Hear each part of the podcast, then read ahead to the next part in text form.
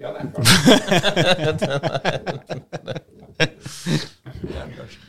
Bogere.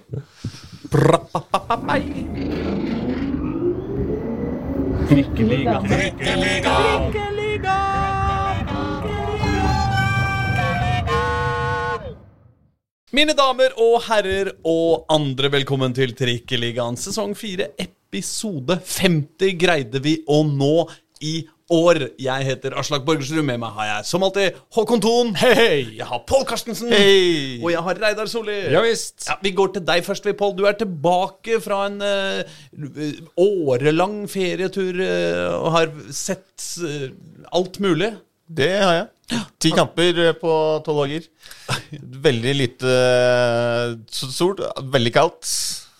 Fint i Firenze.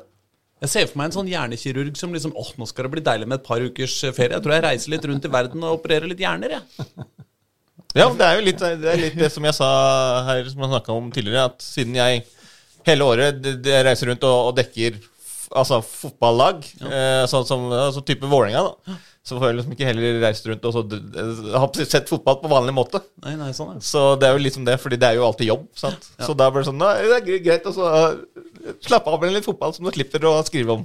Jeg sa jo etter at Vålerenga rykka ned, at det føltes som Oslo var liksom an annerledes den dagen etterpå. Det var sånn noe rart med at Vålerenga liksom, nå er ikke det laget lenger i Eliteserien. Du dro jo fra Norge med Vålerenga i Eliteserien, og kom tilbake til Norge med Vålerenga i første divisjon. Følte du det var noe annerledes? du ja? At du kom tilbake til en nasjon hvor Vålerenga ikke lenger er et eliteserielag? Kjente du på det? At det var en ny tid?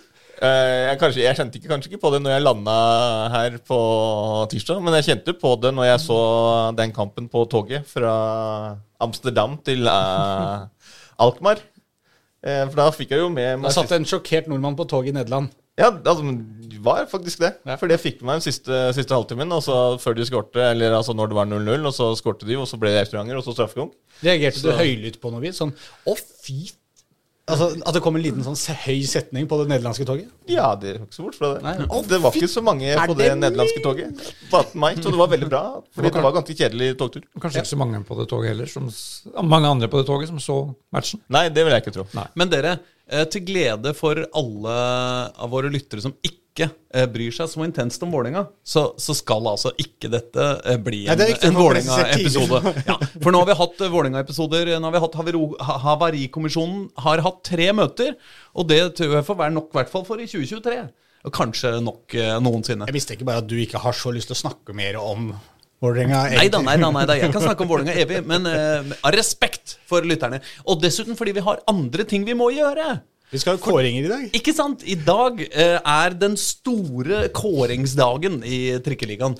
Vi skal altså kåre så mye greier. Vi skal finne ut av hvem som har vært de beste spillerne på alle laga i Oslo-fotballen. I hvert fall de på en måte ja, vi, vi skal ikke helt ned til liksom 7. divisjon.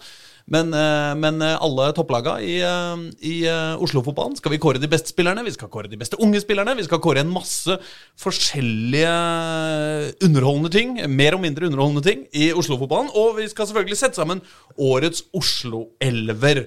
Hvor årets spiller skal vi? Vi skal gjøre Vi skal kåre mye greier i dag. Jeg føler så, at så det det blir en sånn- tilbakeskuende episode. På Ja. en hyggeligere måte enn sist. Ja. Jeg, føler, jeg liker så veldig godt sånn Nå er det jo snart jul. Eller vi er, det er jul. Eh, og, og så er sesongen ferdig. Og dette er på en måte sånn jeg, jeg liker så godt å ha denne, sånne kåringer rundt juletider. Det er noe sånn koselig med kåringer. Nå er liksom sesongen ferdig, nå skal vi se tilbake. Ikke sant? Og liksom, eh, nå har vi alle svarene.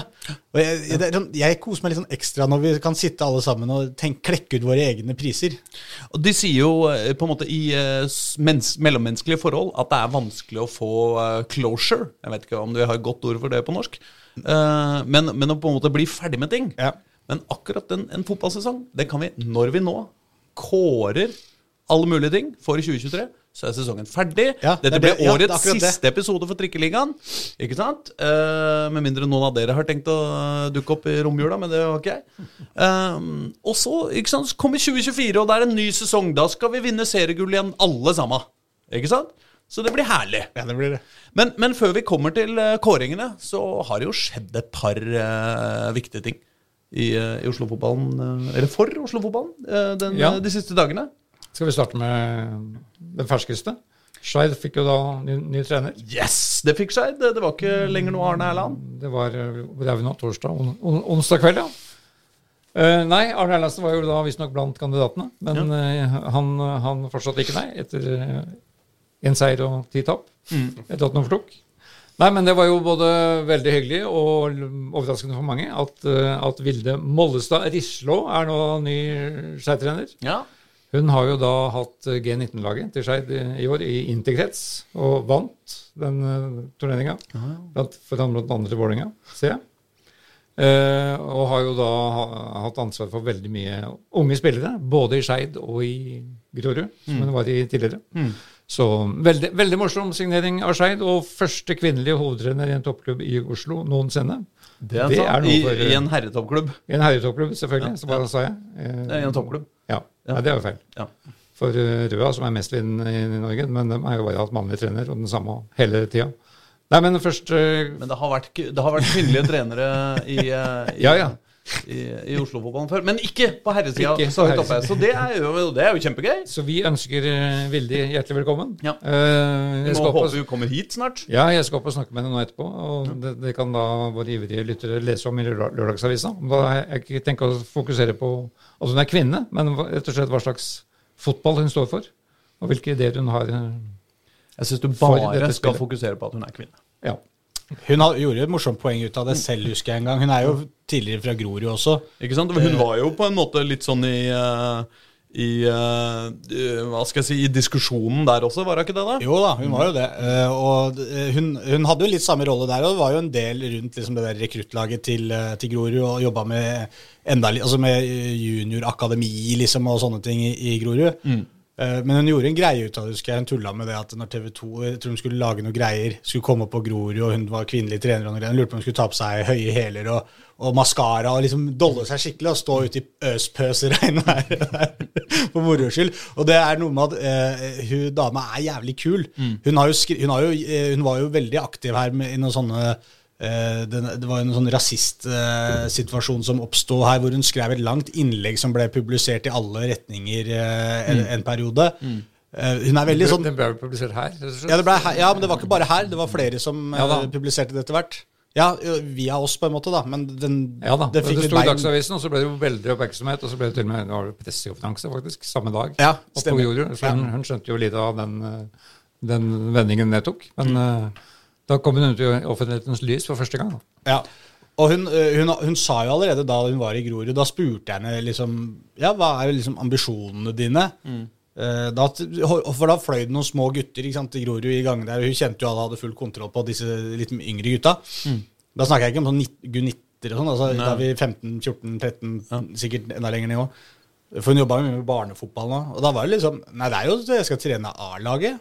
Det var liksom klink. Det var sånn, det er derfor jeg er her, på en måte. Det er for å trene herre-A-laget. Og øh, jeg er ikke noe sånn jeg, og, jeg er ikke liksom det som står høyest og applauderer en ansettelse på bakgrunn av at det er en kvinne. At det i seg selv er liksom kult. Det er jo uh, mange som syns at det er liksom, yay, dritbra, det er en dame som tar over. Men samtidig så er det sånn Jo, men skal det først være en dame, så bør du være en uh, Du må være en jævlig god dame, for du har ikke lyst til å fucke det opp. ikke sant? Du har lyst til å vise at dette går helt greit. Uh, og der tror jeg hun er dritgod. Sånn objektivt sett så tror jeg hun, uavhengig av kjønn, så er hun en jævlig uh, dyktig Hun er veldig dyktig med mennesker. Det tror jeg kanskje er hennes fremste. Så jeg, som eh, Reidar sier, Vi vet ikke så mye om hva slags fotball nødvendigvis hun står for, så akkurat det skal bli litt mer interessant å høre, høre om. Men hun har jo jobba veldig mye med fotball, kan mye fotball. Eh, Så får vi se om hun får det ut. Men det med mennesker, det merker du fort på folk, om hun er flink til å håndtere det. Og det merka du med en gang hun kom til Skeid også. Ble fort kjent med mange, virker veldig sånn varm i trøya der umiddelbart. ikke sant, Ta på seg roller, jobbe som press, hun jobba som medieansvarlig på flere kamper der, ikke sant, og sånne ting. Hun, hun, er, hun er veldig til stede. eh, og er, eh, og er eh, god med, med folk. Så dette her syns jeg var dette, er sånn, dette er sånn Jeg heier skikkelig på dette her. Håper det går dritbra for både hun og Grorud. Nei, det var Skeid. ja, Grorud for så vidt òg, da. Det er jo litt gøy, eh, for du har veldig mye av den samme bakgrunnen som det Gard Holme hadde når Gard Holme kom inn i Skeid i 2020. Og får egentlig mye av den samme oppgaven også. Fordi Gard Holme skulle jo ta på seg å, å ta opp igjen det laget her til, eh, til Obos-ligaen. Med ganske mange unge, nye, nye spillere i et, eh, et Skeid-lag. Og hun får jo liksom mye av den samme oppgaven. Han skal ta opp et Skeid-lag igjen til, tilbake igjen til Obos-ligaen med mange uh, unge, nye spillere, som de jo kommer til å satse på i Skeid. Også med et mye bedre yngres avdeling nå, fordi den uh, altså Som hun også har vært en del av, da.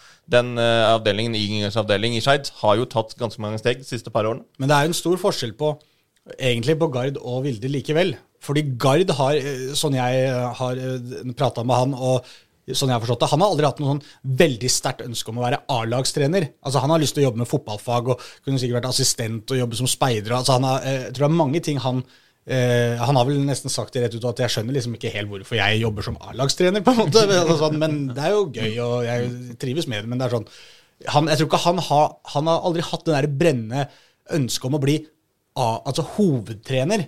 Og det har Vilde. Det, som jeg sa, helt tilbake, Dette må jo være fem år siden jeg spurte henne om det. ikke sant? Og, og det var liksom Jo, det var helt krystallklart. Det var det jeg vil. Jeg skal trene et herre-A-lag. Mm. Og nå får hun muligheten. Så jeg tror hun er ganske spent. Ja. Uh, og, og, og, litt, sikkert litt nervøs, og det skal man jo være. Og så tror jeg det kommer til å gå kjempebra. Uh, jeg tror Skeid-gutta kommer til å kommer til å få sansen for å ha hun som trener. Jeg tror, et, jeg tror, hun kan være med å skape et jævlig bra samhold i, mm. i Skeid. Ja, så er det jo kanskje en fordel at hun er nummer to, og ikke nummer én. Altså hun eh, Renate Blindheim. Blindheim. Uh, var på en måte, Det var veldig mye oppmerksomhet da hun ble, ble hovedtrener. Og da, da, kjenner du jo veldig på det der stå, Du blir sånn Maren Lundby, ikke sant? Eller en sånn derre Eller hva heter hun? Sagen. Altså sånn der, Den som blir liksom den store talspersonen, eller synlige personen for, uh, for kjønnet sitt. da ja, ja. Uh, Mens, mens nå er det kanskje mulig å, å, å jobbe. Så får vi, da se på det som vår, vår plikt, og, og, og drite å bruke tid på, på det framover, da. ja, ja, men, Hvor, det altså, var jo mye av det Daniel Jeg snakket jo med, med daglig leder Daniel Holmeide Strand i går også. Han sa jo mye av det. Altså, også forrige gang, når de ansatte eh, Gard Holme, så sa de jo at de oppfordra kvinner til å søke. Denne gangen her så gikk de jo Skeid selv ut og fant sine kandidater som de var, var interessert i. Og han, han, sa jo at det var flere kvinnelige kandidater som var innom eh, som, som, de vurderte i den runden her. Mm. Og han, eh, altså Daniel sa jo at det var mye Altså Han tror jo, med så mange unge kvinnelige fremadstormende trenere, at det, det, er ikke lenge før liksom, det slutter å bli en nyhet. Fordi det er jo ingen grunn til at eh, altså, flinke kvinner som har ekstremt god peiling på fotball, ikke skal trene herrelag. Så, men uh, når det er sagt, da, så, så jeg fikk jo uh, jeg fikk en utfordring av Daniel i, i, går når jeg ringte og spurte hvordan det lå an med, med ansettelsen. Eh, og Da sa han at den blir presentert senere i dag, men du kan få vite det før hvis du vinner liksom 20 spørsmål. og jeg, som da også eh, Skeid Duksens leder Jonny Normann Olsen, gikk jo rett i baret på første spørsmål med en gang og spurte selvfølgelig er han norsk. Mm. Og da ryker det jo med en gang. Ja. Burde bare svare nei, da? Ja, ja, svaret er nei. Han er jo ikke norsk, fordi det er jo de ansatte kvinne. Sånn, så da røyker vi jo altså, Vi røker på alle altså, sånn, Da, Når det begynte der, så kommer du ikke inn på det riktige sporet igjen. Så. så. jeg fikk jo Men jeg kan trøste meg Daniel svarte i hvert fall at uh, Jonny hadde brukt uh, Han hadde heller ikke greid det, og hadde brukt enda flere spørsmål enn det, det jeg gjorde. Ja, men Vi, vi inviterer henne. Hun kommer jo sannsynligvis her som gjest tidlig på nyåret. Det, det høres bra ut. Uh, det andre som har skjedd siden sist, uh, er jo Eller det, det tredje. Nei, det andre er jo uh, også Lyn har fått seg en ny trener. Lyn damer har fått seg en ny trener. Lyn damer har fått og en ny. Det var, det var jo en kar som også var litt i spekulasjoner rundt Skeid. Huds ned, nye, ferske nedrykkede trener, Joakim Dragsten, ja. skal da trene Lyn damer. Litt, overraskende for, for, mange, men um, visstnok et trenertalent, det òg. Han har vel kåret til årets unge trener i 2022. ja. Han ble kåret til ja. årets unge trener i 2022. Han har jo også en eh, link. Han har vel vært trener for Loke, Lokomotiv Oslo. Mm. Ja. Eh, også ja, ble kåret til årets unge trener i 2022. Tok uh, Hødd, som jo da eh, uh, rykka opp før de rykka ned. Mm. Eh, og, skal, og som Lyn møtte. Ikke minst. Ja, ja, altså, ja. ja det er jo litt, litt pussig selvfølgelig at, uh, Herrelaget møtte, møtte han, knuste han, og så ansatte de han på damelaget. Herrelaget sørga på en måte for at damelaget fikk han som trener. Ja, ja, For han hadde jo ikke, fort, han hadde jo ikke dratt Sikkert ikke mista jobben. Nei, nei. De tok han bare med seg fra Hødvoll. Ja. Ja. Ja. Veldig Vi, har- vi har sikkert plass til deg et eller annet sted i, i Lyn. eh, Så ja, så, så det tror jeg kan være en veldig god ansettelse. Og det som jeg tror kanskje er viktig for Lyn damer, er at de nå får litt mer kontinuitet på trenersiden. For de har jo eh, De har jo hatt ganske mange utskiftninger på trenersiden.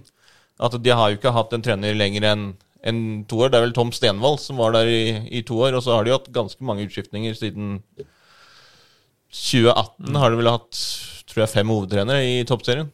Eh, så, så det er liksom greit å få litt kontinuitet på, på, på, på trenersiden, for de er jo eh, altså den talentutviklingen og det, altså, det som drives i Lyndamer, er jo kjempebra. De får jo opp masse gode eh, talenter som de jo stadig vekk selger både til utlandet og andre større klubber i Norge. Men det er liksom å ha en trener på eh, altså, laget som kan utvikle det laget, ta det videre. De får både stabil trener og stabil hjemmebane. Ja. Det er jo det nye neste år. Ja, altså. Veit jo ikke hvor stabil han blir, da. Banen eller treneren? Ja, nei, treneren. Nei, det vet man selvfølgelig ikke. Nei, det kan jo være han eh, Han stikker, han også, om et år. Men uh, Jeg kom på en ting bare på, uh, med, uh, angående Vilde. ja. At jeg, jeg tror også at det kan bli ganske morsomt for oss som leser Dagsavisen. Fordi ja, men Hun er litt sånn kanon. Hun kan fyre litt. Oh, ja, hun, har sånn, litt ja. sånn, hun har litt meldinger å komme med. Ja. Jeg på nå. Hun, hun skulle jo egentlig melde seg på Twitter en gang, husker jeg. Mm. Eh, og så sa hun jeg er litt usikker på om jeg skal gjøre det, fordi jeg er litt redd for hva jeg kommer til å si og mene der. At det kan bli mye baluba, liksom. Og bare orker ikke å forholde meg til alle de syke meningene som er der inne. Men nå får hun jo på en måte et talerør. Nå blir det hun vi prater med hver gang vi skal på Skeidkamp. Og det er gleder jeg meg litt til. Jeg tror kanskje det kan komme noen litt eh, spreke overskrifter der. Kanskje kommer, du kommer til å være mye på Nordåsen du, skjønner jeg, til neste år. ja, gjerne. Ja, jeg. Og det, det også er gjerne kanskje en forskjell fra Gard Holme. Ja, Det er jo en mann, ja, det det er en mann som eh, altså, kan si mye pent og mye bra om Gard Holme. Men det er ikke en mann som snakker overskrifter. Nei, men, men, det har nok igjen kanskje litt med det at når du er hovedtrener, så du, må du like litt grann å stå i det rampelyset også, da. ikke sant? Og det, akkurat det tror jeg ikke altså Gard er jo uh, mer enn nok kvalifisert som trener, men han har kanskje øh, Kanskje han har, øh, ikke syns det er så stilig å måtte stå og svare på ting hele tida. Han skjønner selv at jeg sier jo ikke noe er ikke, Han sier det jo før hvert intervju selv Ja. at jeg, jeg, ja, jeg, jeg veit jeg ikke har noe mye å Kanskje vi får noen fete titler fra Dragsten i Lyn damer òg? Ja, kanskje. Kanskje. Lov å håpe. Lov, lov å håpe. Og så er det jo masse spill, spilleroverganger. Eh, Vi må vel nevne VIF damer, som, hvor det er store Ikke rengjøring, men eh, det er mye ut, mye inn. ja, det er sant. det. Vi har jo Guro Pettersen, for eksempel, har forsvunnet. Ja. Og Ingebjørg Sigurdardottir Jeps. er jo ute. Eh, inn kommer da Sedis Run Heidarsdottir fra Stjernan, som da flyktet fra lava, er det det? Eller Ja, sånn, ja. magma-lava? Forlatt, uh, forlatt Island. for Ja, for det er ikke så langt under Keflavik det brenner i bakken. Men, eh, men hun kom seg vel unna. Ja. Uh, Tuva Espås fra Røa er vel ble hun eh, Ja, nei, hun er jo da veldig har vært i Røa i hele sitt liv. Mm. Det ble vel toppskårer for Røa denne sesongen. Stor overgang fra, fra vest til øst. Og kanskje aller viktigst Emma Stølen Gode fra LSK Kvinner, som ble kåret til årets midtbanespiller i toppserien. Mm. Som da har den eh, plutselig i bakgrunnen eh, 50 kamper for Lyn og 54 kamper for LSK. Da er det naturlig å gå til Vålerenga. Hun er vel, eh, Ja, det er, eh, det er var vel en av den generasjonen der eh, Lillestrøm, eller LSK Kvinner, på en tidspunkt har henta nesten alle spillerne som, som Lyn hadde. Ja. Så hun var en av de. En av de. Men hun, det også er en veldig veldig god signering. Det er det er veldig spennende å se det Vålerenga-laget der, fordi de eh, i, I sommer, eller i løpet av forrige sesong, da, så mista de jo Stine Ballesager Pedersen som, eh, som den klare bautaen i, midtforsvaret. Nå har jo også Sigurdardottir Mm. forsvunnet. Så de må jo bygge opp et helt nytt midtforsvar, fordi de har jo kvitta seg med alle midtstopperne de har. Kanskje med unntak av eh, eh, Elise Thorsnes, som vi da får håpe for hennes del da, ikke skal spille så mye midtstopper neste sesong. Så det blir, blir spennende, det. Men så syns jeg det er jeg, jeg må si at det er overraskende at de lar Guro Pettersen uh, uh, gå. Guro Pettersen har jo selv signalisert at du ønsker å være med videre. Men nå står det jo igjen med Jalen Tompkins som trener, og så er det Klara Sporsem som uh, som ungt talent bak der. Er hun så ung, da? ja, jeg vet ikke. Jeg var vel i hvert fall det er vel Kanskje ikke så ung, men i hvert fall unnskyld at jeg sier det, nå skal ikke jeg være, være han karen, ass, men uh, ja, hun er 26. Ja. jeg er 26. Ja, ja, så veldig ungt. uh, ja. ung- nå ble vel Kylian Mbappé 25 for et par dager siden. Jeg føler ut som han er ung.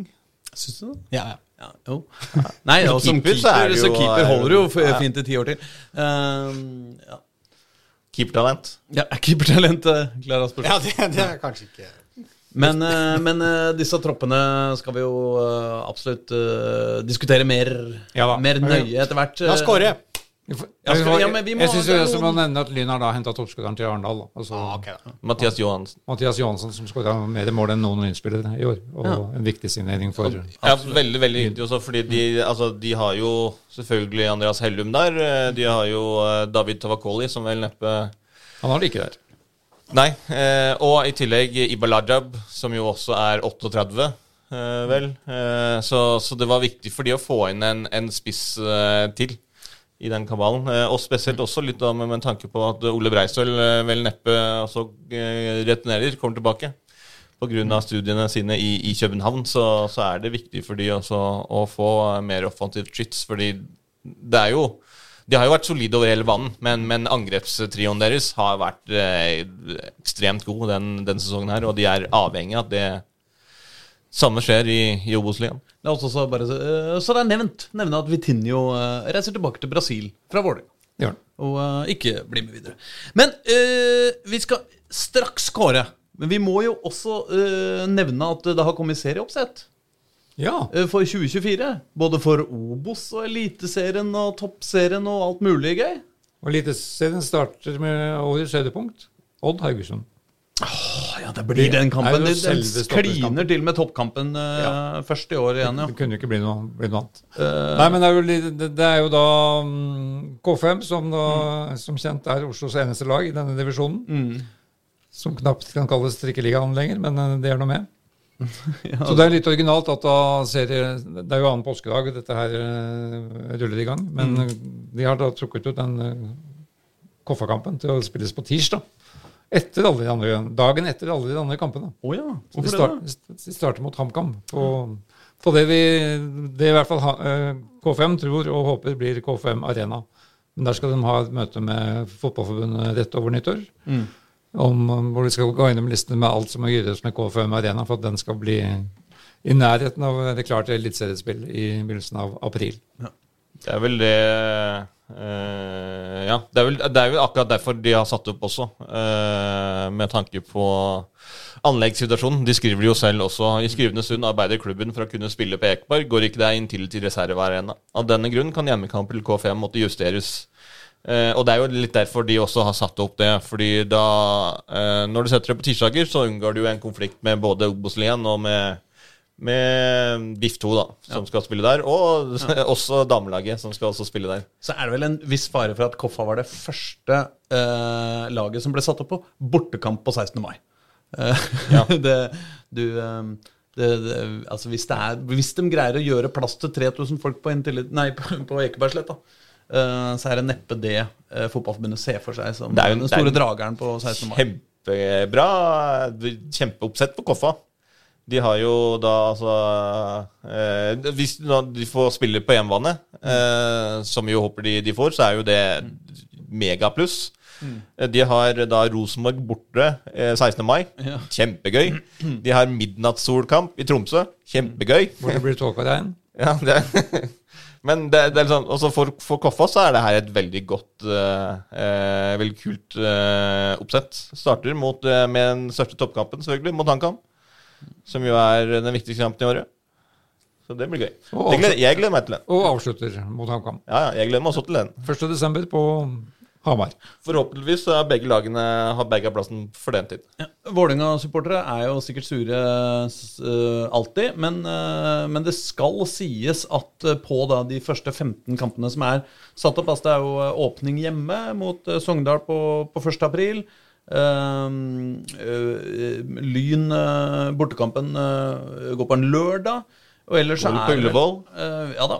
Og ellers så er det altså bare Åsane-kampen eh, som er borte 22. mai, og det er på en onsdag. Den er jo selvfølgelig litt tung for, eh, for reisende Vålerenga-supportere, så den er man jo helt sikkert sur for. Det hadde vært eh, gøy å kunne, kunne reise bort, bort dit på en, på en helg, som man faktisk fikk dratt. Men bortsett fra det så er det ingen kamper som, som ser spesielt vanskelig ut å, å gjennomføre. Første, hjem, første bortekamp er jo eh, borte mot Raufoss på en lørdag, liksom. Og så er det Mjøndalen på en søndag.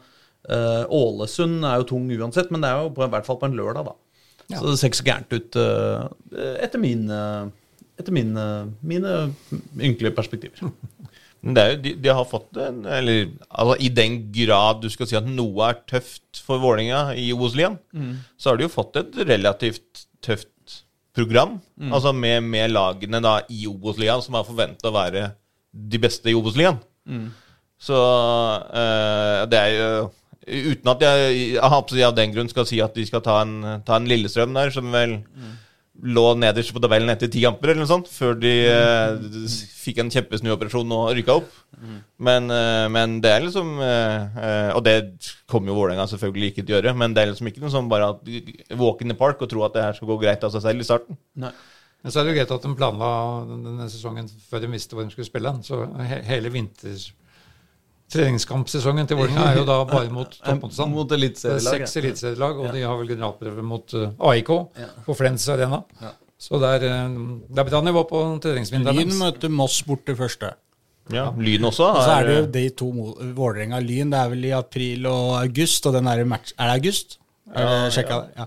Jeg tror det er i august. Vålerenga er hjemme mot Lyn. Ja, og den er fin. Det er sånn seinsommerkamp uh, på Intility. Fy fader, det kommer til å bli uh, haraball. Og så får sånn- de jo de ja, for Den første kampen mellom den er, Det er jo fjerde runde eller noe, bare? Ikke? Ja, det? ja, sånt. Så det kommer jo den kommer ganske fort, egentlig. Den, Lørdag, eh, lørdag 20. april. Og den kommer nok til å gå på, på, på Ullevål hvis, hvis det hadde motsatt. For Jeg, jeg, snakka litt med Lyn-supporterne om det, og hvor mange folk som kan møte opp der hvis de spiller på Ullevål. Eh, rekorden er visstnok 18 000, altså for en kamp i, i Obos-ligaen. Eh, og hvis, den, hvis det hadde vært motsatt, hvis det hadde vært Bislett Nei, hvis det hadde vært Bislett, hvis det hadde vært Ullevål i den eh, sensommerskampen der, i, mm. der så sol, fint vær sant? For da hadde du både hatt liksom, Da hadde det jo selvfølgelig vært Lyn Vålerenga, som hadde møtt opp veldig mye, men det hadde vært en kjempehappening i byen. liksom Sol, fint vær, slutten av sommeren. Det er liksom Da hadde du fint kunne bikka 20 000 på, på, på Ullevål der. Og det er Jeg føler at du må eh, Du må ha med deg litt eh, altså Oslo-boerne. Du må skape en happening for at du skal greie å slå eh, rekord på 18 000. For jeg tror liksom ikke eh, Lyn og Vålerenga sine sett med fans alene greier å fylle 20 000 på, på Ullevål. Altså Hvis de skulle gjort noe med Ullevål egentlig, så hadde det vært altså De kunne gjort litt sånn som man gjør i hockey, hvor Storhamar og Lillehammer går sammen. ikke sant? om å spille en sånn kamp inn i Håkonshall hvor det skal komme 10 000 mennesker. Eh, hvis man hadde gått sammen om dette her, Vålerenga-Lyn, og sagt at vi skal spille begge kampene for på Ullevål, og vi deler inntektene eller altså et eller annet sånt, da, at man kan liksom faktisk få, få, få dette pusha ut overalt og få det opp på reklameplakater på T-banen osv. At det liksom nå er kampen til, nå er slaget om Oslo tilbake igjen, endelig. Kom, det har ikke vært spilt match på Ullevål på så og så mange år. og Det, det, det hadde vært en svær greie. Bare seriekamp på Ullevål stadion i førstedivisjon er jo historisk, hvis man hadde fått til det, på en måte. Det skal bare nevnes at Lyn ja, det er ikke helt 100% avklart, for Lyn skal i møte med Ullevål stadion i dag, faktisk. Ja. Og snakke om dette her, For det skal jo skiftes gress både på Ullevål og Lyn i løpet av våren sommeren. Bislett, mener du? Og Bislett, mener jeg. Ja. Så det er jo som vanlig litt usikkerhet hvor dette lynlaget skal spille. Ellers må jeg også nevne, bare på Vålerengas oppsett, at uh, Vålerenga spiller borte mot Start lørdag 20. juli. Den er det, fin. det tror jeg også skal bli ganske, ganske koselig. Det er vel såkalt Eh, Syden, syden away, er det ikke det? Jo, jo, jo. Ja, så det, det blir bra. Nei, men skal vi da Men tok du er 16. mai-kampen, da? Stabæk-Lyn? Den er Ja, den stilig. nevnte jeg ikke. Det er jo noe mer bedre det, fordi Vålerenga sin uh, 16. mai-kamp hjemme mot Kongsvinger Ja, den er litt kjedelig. Det er Om mulig enda kjedeligere enn når de pleier Jo, Men du vet, du vet, det er bare Det er et visst antall lag å ta av i første divisjon. Majoriteten av dem er kjedelige, Pål. Ja, det er jo klart sant. Men vanligvis så har du jo HamKam 16. mai. Så det er ikke så Ja, det blir jo er det jo samme. ikke- Det er jo ikke det. Det er mye kulere enn HamKam. Nei, det er Altså, Kongsvinger, det er altså Det er det. dype skoger. HamKam, Hamar, fin by, pulserende liv. Hva skal vi servere på julebordet i år? Blir det Coca eller Pepsi Cola? Coca eller Pepsi Cola? Det, ja. Hva var dette for noe? Nei, HamKam eller Kongsvinger. sånn, ja, ja, ja, det blir jo det ja, ja, samme. det er noe- er noen nyanser der, altså for de som, uh, Har- som uh, har veldig godt syn. Nei da, det er lov å mene at HamKam kanskje er snepp opp, men det er ikke Absolutt lov, du det. Ja, det er vel det. Ja. Hvem har Lyn noen kule matcher sånn på sommeren der. Sånne fine Det er jo egentlig bare Det er jo startkampen borte. du har jo ikke sagt at alle, alle lagene i Obos-ligaen er kjedelige. Så det er Ja, men det var mer om det var liksom Syden som start, da. Ikke? Sånn. Om du Ja, fikk liksom en hyggelig om, eh, Ikke måtte til Raufoss i juli når det er fire Altså, minus. Lyn spiller mot start eh, 9. juni. Eh, det er jo ikke gærent, det Ikke heller, skulle man tro. Men når, hvilken ukedag er det? Det har ikke dem skrevet opp på uh... Start Lyn søndag 9. juni. Ja, det er 9, eh, søndag, ja. Det er greit. Søndag 9. juni klokka fem. Det er fint, det. Nei, klokka fem er tungt, altså. Eh, Du skal, så er jo kampen ferdig klokka sju, og så skal du kjøre bil til klokka ett om natta. Det er ikke like, det er ikke like gøy, faktisk. Nei. Men men kampen blir iallfall spilt. før, da. Hva sier Du du? kan komme på lørdag, da. Ja, men hvis man skal rekke jobben dagen etter. Ja, Det var det jeg tenkte på. Det tar jo bare, det tar ikke lang tid til Det er jo ingen Lyn-supportere som har sånn veldig streng oppmøteplikt på jobben eh, mandag morgen, er det det? Det tror jeg ikke. Og Start slipper Nei, jeg bare liker Det å tulle litt med dere Det åpner når børsen åpner, gjør det ikke det? det? det Og Start slipper vel å skru på varmen, så de kampene blir spilt. Ja, Både- ja. Mot Lyn og Vålerenga. Ja, ja. Ja, men det er liksom forskjell på Lyn skal ha Mjøndalen borte 27. juli. Liksom, Mjøndalen, det er ikke noe sånn det er ikke, s- Det er ikke synd 6. juli borte mot Mjøndalen, det blir hyggelig. Ut og spise på restaurant i Mjøndalen og Sant, Det er start bedre. Har du vært på Konsto i nyere tid? Det er jo Jeg har i hvert fall vært rundt Ja, jeg var jo så på Grorud der. Ja, nettopp. Ja. Ja, det er ikke noe Byen har ikke blitt så ikke- Nei, det er ikke blitt større. det er ikke, Jeg higer etter, ikke etter å dra dit, på en måte. Men Nå går Ålesund- sommerferien i år, Åle- Solli. Mjøndalen. Ålesund skal du til. Sånn selvfølgelig skal jeg. Ja, ja. Ja. Skal vi da eh, være med- fornøyd med Nei, ta med toppserien. Ja, unnskyld, selvfølgelig. Skal Ta vi ta med med toppserien. For den starter jo først, av Så alle. er først 16. mai, nei 16. mai, sier jeg. 16. mars. Da er det Vålerenga og Stabæk i åpningskampen i toppserien. Lyn spiller bort mot Åsane, mens Røa har Kolbotn. Så relativt kort eh, bortekamp for eh, Røa. da. Og allerede i kamp to så er det vel kanskje en av de årets eh, viktigste kamper. Det er jo Vålerenga-Brann, eller Brann-Vålerenga, da.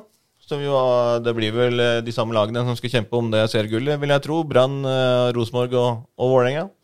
Og Lyn har da Rosenborg, så runde to er Den er ikke lett for noen av våre lag. Røa hjemme mot LSK kvinner.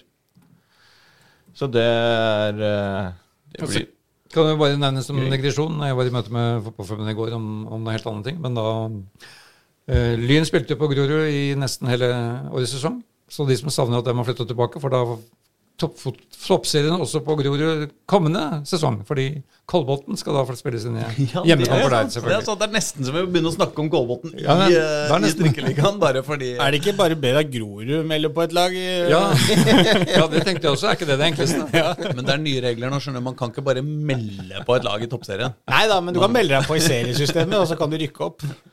Nei, men De kommer etter hvert. De har jo slått sammen Grorud og Hø- Høybråten og Stovner, var det ikke det? Som satser på et felles Men de som slår seg sammen med Kolbotn nå, da, da har du et lag i Da har du et lag. Ja, nei, Men det blir, det blir toppserien også på Grorud neste år. så har jo det at den 16. 16. mai-runden, som jo da spilles 15. mai i toppserien, det er da Vålerenga-Rosenborg. Kan den da kalles 16. mai-runden? Nei, det kan den ikke. Det- Men det er jo det de er Det er det nærmeste de har, 16. mai-runden. Ja, men hvorfor, har de ikke, hvorfor kan vi ikke spille 16. mai? Nei, det er jo fordi Alle er på fotball. eh, De andre Herre, kampene. Det er jo mange andre kamper som går 16. mai.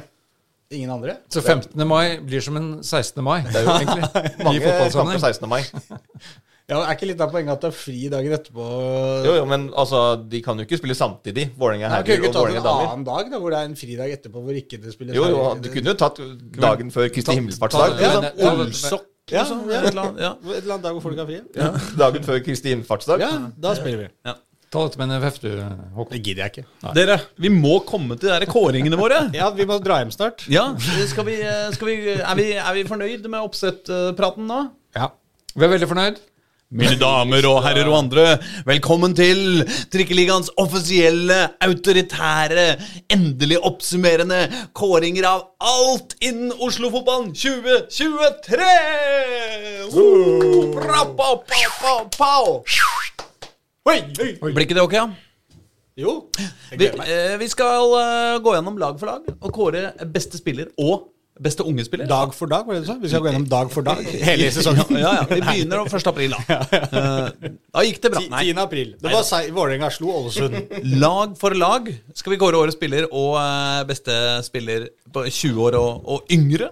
Vi skal til og med kåre årets kjedeligste øyeblikk, så jeg fikk jeg beskjed om. Absolutt. Vi skal kåre en masse forskjellige ting. Eh, og så skal vi til slutt kåre årets Oslo-elver. Men jeg lurer på om vi skal begynne med dette lag for lag årets spiller-kåringen, jeg. Eh, og så kan vi ease up til, eh, til det mer eh, Mer kompliserte. Hvis bare- dere er med på det. Ja, du får bare Første gang som kåring skal er da begynne. Trikkeligas høyeste hår i 2023 er da Håkon. Det er Håkon 2. Ja. Nei, men vet dere hva? Eh, I årets lag Nei, i årets spiller og årets unge spiller per lag, så uh, skal vi kåre det i alle lag i andredivisjon og oppover for herrer, pluss toppserien for kvinner. Og så skal vi kåre en felles for tredjedivisjon herrer. De laga som vi følger litt med på, men ikke så nøye, dessverre, at vi er i stand til å plukke ut uh, Uh, på alle På alle punkter. Så kan, kanskje vi skal begynne nederst? Tenk deg det. Ja, For det er jo veldig fort gjort. ja, ja det, er, det er kanskje fort gjort, ja. Årets spiller i tredjedivisjon. Ja. Ulrik Ferrer. Frigg. Sjølveste Ulrik Ferrer. 41 mål. Var det 41 mål i, i ligaen. Det er, eh, det er høyt. Ja, men jeg håper han sier, hvis vi snakker med han, at eh, neste sesong skal bli enda bedre. Ja. Så må ha progresjon, ikke sant? Så må det gå minimum 41 neste sesong, da. For Ellers så er det jo stagnering. Ja, ja. For 41 mål så bør man rykke opp, men det, det gjorde da dessverre ikke Frigg. Frigg, altså. Jeg digger Frigg. Vi, frigg, vi digger Frigg. Ja. Frigg er digg. Digger Frigg, digge, digge Frigg og Ferrer. Ja. Ja. Ja. Eh, året, men har en ung spiller i tredjedivisjon som helhet, da? Hva er årets unge spiller i tredjedivisjon? Jeg vil uh, også gi den til Frigg. Uh, nemlig til Håkon Wold Vold Krog, som jo er 16. Oh. Han har jo, i hvert fall i alle de kampene jeg har sett til Frigg i år, vært veldig god. Han har vel skåret en seks-sju mål også og har bidratt bra. Altså, han, han er en, liksom, en, en fast spiller på det laget, liksom. Han er go altså, Til tross for at han er 16 år, så er den, er han, han er god nok til å spille på altså, bakgrunn av at han er god nok. Eh, så altså, han uh, har en veldig god uh, fremtid foran seg. Han er jo litt sånn uh, Bo Hegeland-typen. Som jo gikk til, fra Frigg til Det var vel Lecce, var det ikke det, i, i Italia? Og så var tilbake igjen nå tidligere i år også. Litt en, så, så de to er Gjorde han det i år? Bo Hegland, ja. Ja. Han var tilbake igjen i eh, Moss. Nå er han i, vel i Moss, ja. Ja, ikke sant? Ja. Eh, Så han var jo Så ja, nei, jeg vil gå for uh, Håkon Krogh. Men så en liten shout-out til uh, Matheo Hueng i Oppsal. Som jo har uh, Shoot-out, var det du sa? shout-out. Shout-out. Ok. Det betyr hilsen på sånn uh, som ungdommen snakker. Ok, Ja, ikke om alle under 55, da. Nettopp. Ja. Ja, ok. Nei, man. Shout-out til eh, En liten nevnelse, på en måte. Ja, nevne den. honorary mention. Ok. Ja, men da ble det et nytt engelsk ord. Ja, ja, men det er viktig med Nå har jeg aldri glemt hvem det var, da. Vi tar gjenta han. eh, Matheo Hoeng i Oppsal. Bra. Skal vi da bevege oss videre, eh, og da, da kan vi jo ta eh, ja, kanskje det dårligste laget i eh, andre divisjon, da, synd å si det. Ullern. Ja. Hvem har vi som årets spiller i Jeg er mer spent på årets unge spiller. ja. Jeg vil lande vel på kapteinen etter grundig gjennomgang, eh, Pål? Var det ikke sånn? Jo da, det er Ismail Distar for den eh, jeg holdt på å si, i år igjen. Det har vært en veldig tung sesong for, eh, for Ullern. De kom jo ekstremt dårlig i gang, men sesongen hadde jo nesten ingen poeng etter en pause. Skifta trener tidlig. Eh, fikk jo De fikk jo en liten opptur. eh, Det så ut som de kunne klare det. Vi, vi satt vel ofte i det Grydland TV og sa Se på terminlista, nå kan det hende at Ullern ikke er fortapt likevel. Og prøvde mane, mane, mane i hele høst, men eh, det, var, eh, det var tungt eh, for, eh, for Ullern hele sesongen. Så, Men Ismar eh, Distar han har vært bak der og styrt eh, styrt, sett styrt skuta bra, men, men han, han er jo en solid type som går i krigen, som gir alt alltid, og det er liksom ikke Det er ikke han det her står på. Nei. Og så er det jo, De spilte jo i sin eh, e- egen liga, holdt jeg på å si. Det var jo den divisjonen det ikke var noen andre Oslo-lag. Så de rykker jo ned og havner i den ekte trikkeligaen eh, Ja. neste år med Frigg, Gamle Oslo, KFMs annetlag, Nordstrand, Oppsal og Skeid 2. Det er veldig, det det ja, ja. veldig hyggelig. Fordi de har jo to sesonger nå der de jo har vært i altså feil divisjon, eller feil avdeling. Ja, ja. Fordi at de har vært egentlig alene for seg selv. Men nå kan de endelig få liksom komme litt inn i varmen, selv om det kanskje er på Man feil sier jo ofte at det koster litt å rykke ned, men her høres det ut som det er vesentlig billigere å rykke ned enn å bli værende. Det.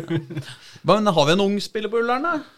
Det har vi. Jeg har gått for Jakob Kleve Broch Ja. på uh, Ullern, som jo har uh, spilt veldig mange kamper, fått gjennombrudd i, uh, i år.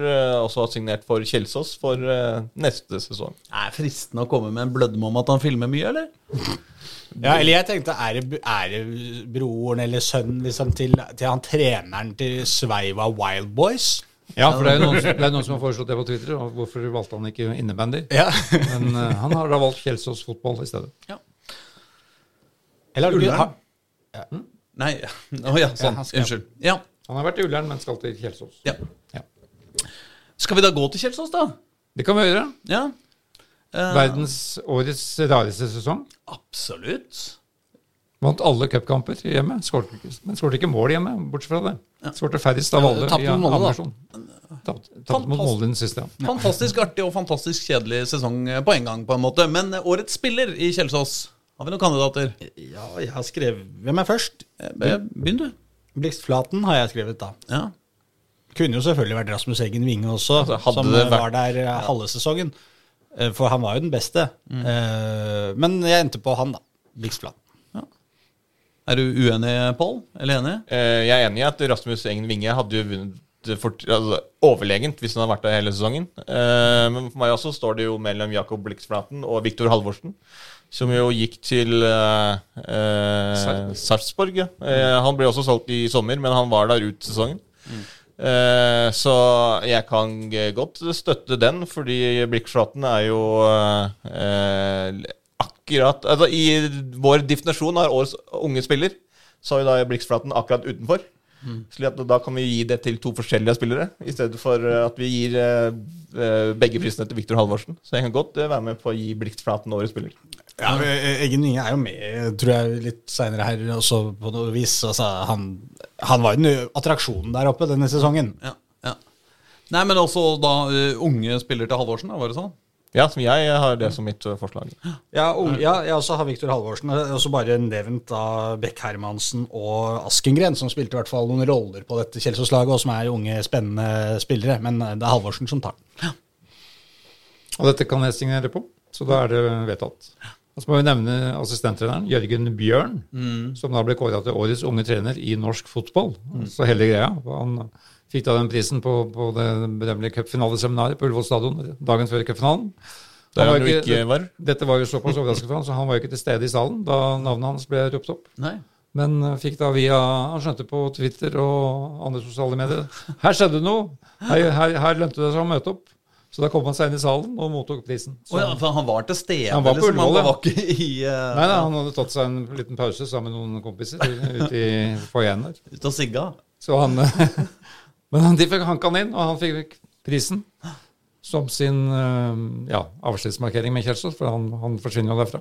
Dessverre. Ja, han også drar opp til eh, Eliteserien, som jo de aller fleste andre i Kjelsås gjør på et eller annet tidspunkt. Men hvor skal Jørgen Bjørn? Er det ikke HamKam, da? Jo. Eller Kongsvinger, eller et eller annet sånt? Alle går til HamKam. Det er jo HamKam. innlandet. HamKam er jo the place to be, selvfølgelig. Innlandet. Som med Merian, som jo nå offisielt starter i HamKam. Um, Grorud er eh, neste, mitt neste lag eh, på lista. Uh, har jo kanskje ikke vært det så være, ja Kjelsås, ja. Vi har, ja, vi hoppa over Vålerenga 2 var det sånn. Ja, vi hoppa over Vålerenga 2. Fordi Ja, for de eh, kommer vi de slår til. vi sammen med Vålerenga 1. på en Ja. måte det, Ja. Spillere som presterer veldig godt der, har en ekkel tendens til å forsvinne fra laget. Ja. Uh, nei, men um, Så vi går til Grorud.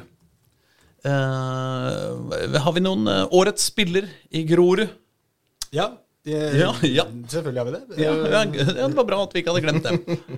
Jeg har eh, Det er jo basert på det jeg har sett, selvfølgelig. Og det, han Dubois han syns jeg var eh, såpass eh, frisk da han kom til Grorud, at eh, jeg har den til han. Synes han var eh, Det er noe med at eh, du liksom føler at du har funnet noe skikkelig bra. Vært gøy å se på. Deilig tilslag.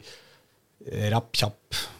Ja, gøy, Morsom spiller, liksom. Og, og, og en som har utmerka seg de gangene jeg har vært og sett på Grorud.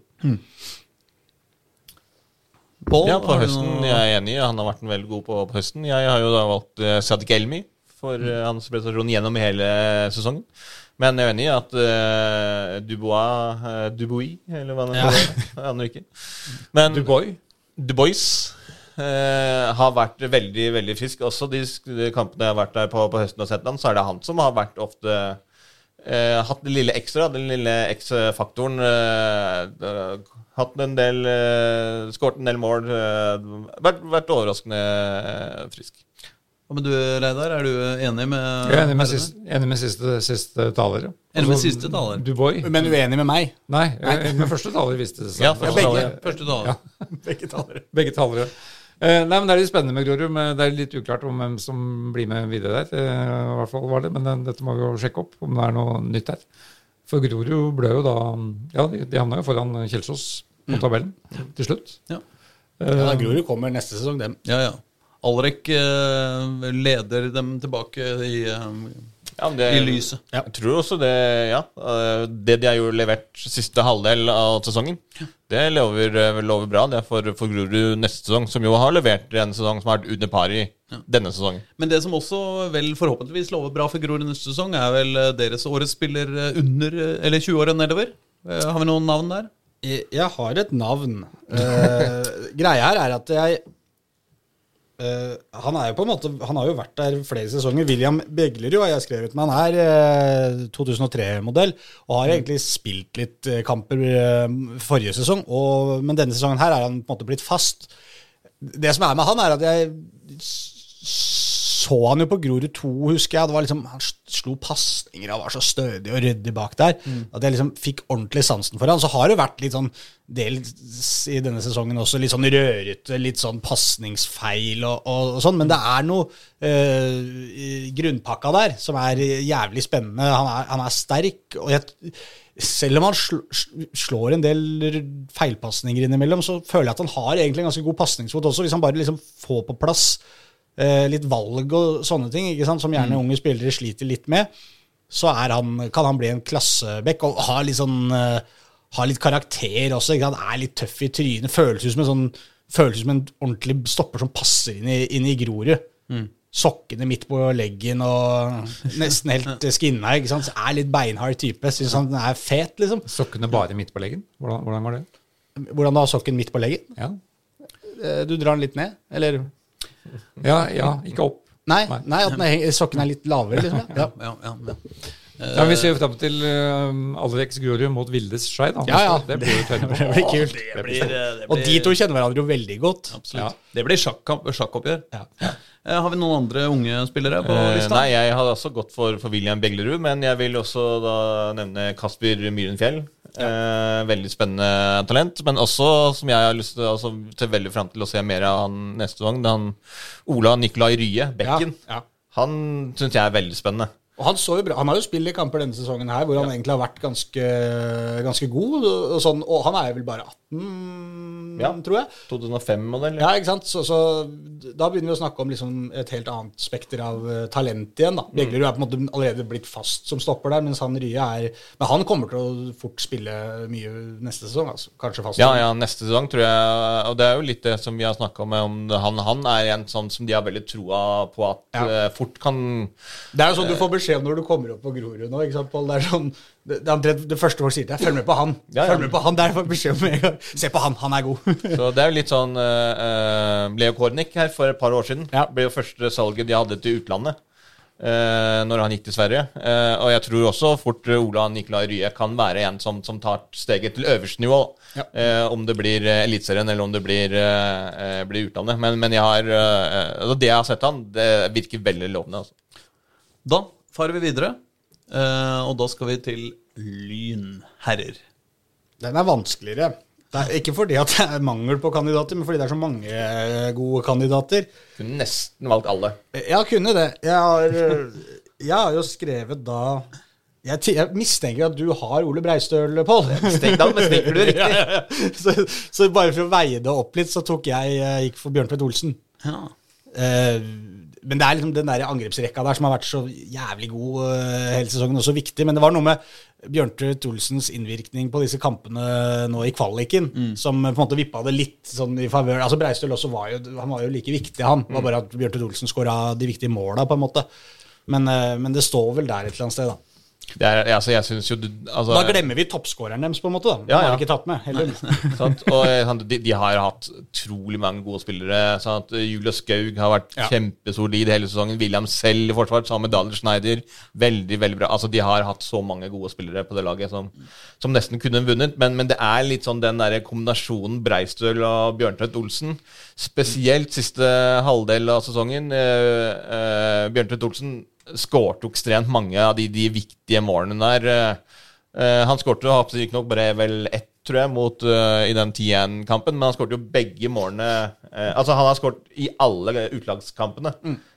men også, jeg må bare si altså, Jeg, for jeg syns Ole Breistøl har vært fenomenalt god, også med tanke på Altså, vi, vi ikke Vi kjenner jo ikke helt til eh, i hvor stor grad han kan som leve som en toppidrettsutøver nede i, i København med, med studier og de tingene der. Men, Jeg men, føler at det er, generelt er vanskelig å være toppidrettsutøver i København. Det er for ja, ja, det, det, men den, den her at du skal fly inn og sånn altså, altså, Den her kampen eh, de hadde eh, når de knuste Hødd 3-0 eh, der, Da hadde han hatt eksamen på dag tidligere på dagen og flydd inn.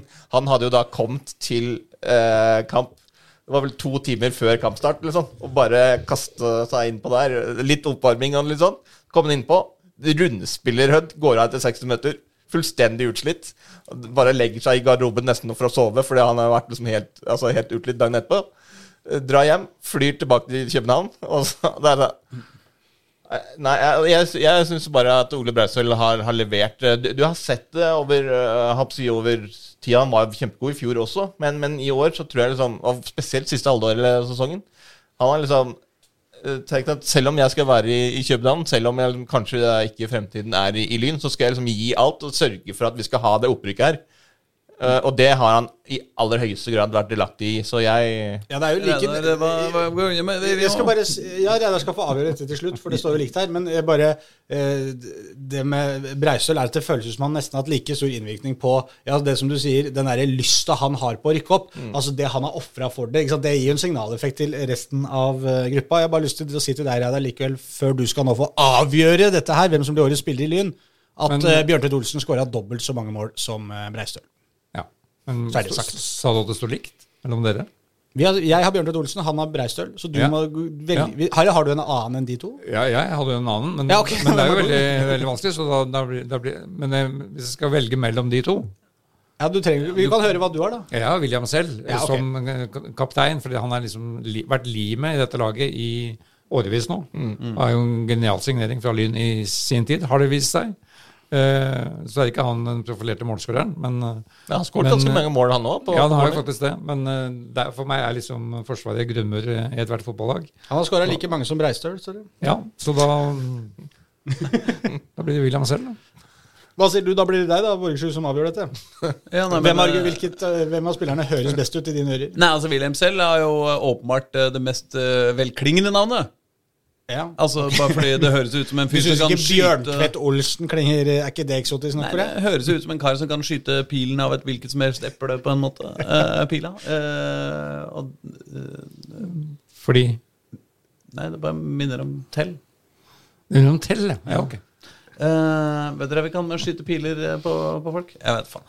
Eh, nei, jeg, jeg, dette, dette nekter jeg med ennå. Du tør ikke. Av, du tenker at du skal få lov til å avgjøre årets spiller? Nei, men altså, jeg har sett eh, Jeg har vel sett et par eh, par-tre lynkamper par, men, men ikke Jeg har ikke fulgt med nok til å kunne mene noe særlig om det. Jeg skjønner det. Men jeg føler vel at Reidar har litt sånn han Vet som du, er han er jo tross alt uh, the, boss. Og dessuten, det var ikke noen veldig motforestillinger mot uh, Nei, ingen- ingen- selv her heller. Nei, jeg tror, tror ikke det. Altså, men så har vi jo han eh, Det morsomste er jo Jeg syns jo han innbytteren, han som alltid skårer på Henrik. Elvevold. Henrik Elvevold, altså både mot Vålinga på Intility. Altså de, på viktighet av mål, så ligger vel han eh, langt framme. Dessuten gjort et eh, glimrende intervju i Trikkeligaen. og Det må vi trekke litt opp. Ikke minst. Ni mål. Nei, men uh, jeg tror Reidar uh, uh, vant denne. Har dere noen kandidater på, på unge, altså Wilhelm selv, som, som tar den? Ja. Ja. Har dere noen unge, eh, 20 år og yngre? Jeg har valgt Brage Hylen. Som eh, kant, Han er kantspiller. Han er vel 17 år, er han det? Jeg tror det, Ja, det tror jeg stemmer. Han er jo den jeg håper å si, ja, Fremtiden, jeg. Det er han som pleier å komme inn uh, i nesten en, hver eneste kamp. For da enten Breistøl eller uh, Bjørntvedt Olsen på, på kanten her uh, tar, tar stadig steg, utvikler seg, blir bedre og bedre. Eh, nå skal han jo få lov til å prøve seg i Obos igjen, og det blir også veldig spennende å se de stegene han skal ta i løpet av, eh, av vinteren. Han var, han var 17 stort sett hele sesongen, ble 18 i november. Ja, jeg har også Brage Hyllen. Eh, kommet inn og bidratt eh, det han kan. Det er ikke så mange å ta av egentlig i Lyn, når vi har de forutsetningene vi har her, egentlig. Så Brage Hyllen, i drits. Der, der er det en enstemmig jury. Også Brage Hylen. er Bare, bare på grunn av, altså, navnet seg sjøl er, jo- er jo medvirkende. Ja, absolutt. Det, det må vi jo være enige om. Vi venter på Hyllen. det er jo, og han kommer inn og blir med på vinnerlaget. Ja. Markus stas. Ottesen kunne også, han var også med i konkurransen. Kunne fått den. Nådde ikke opp.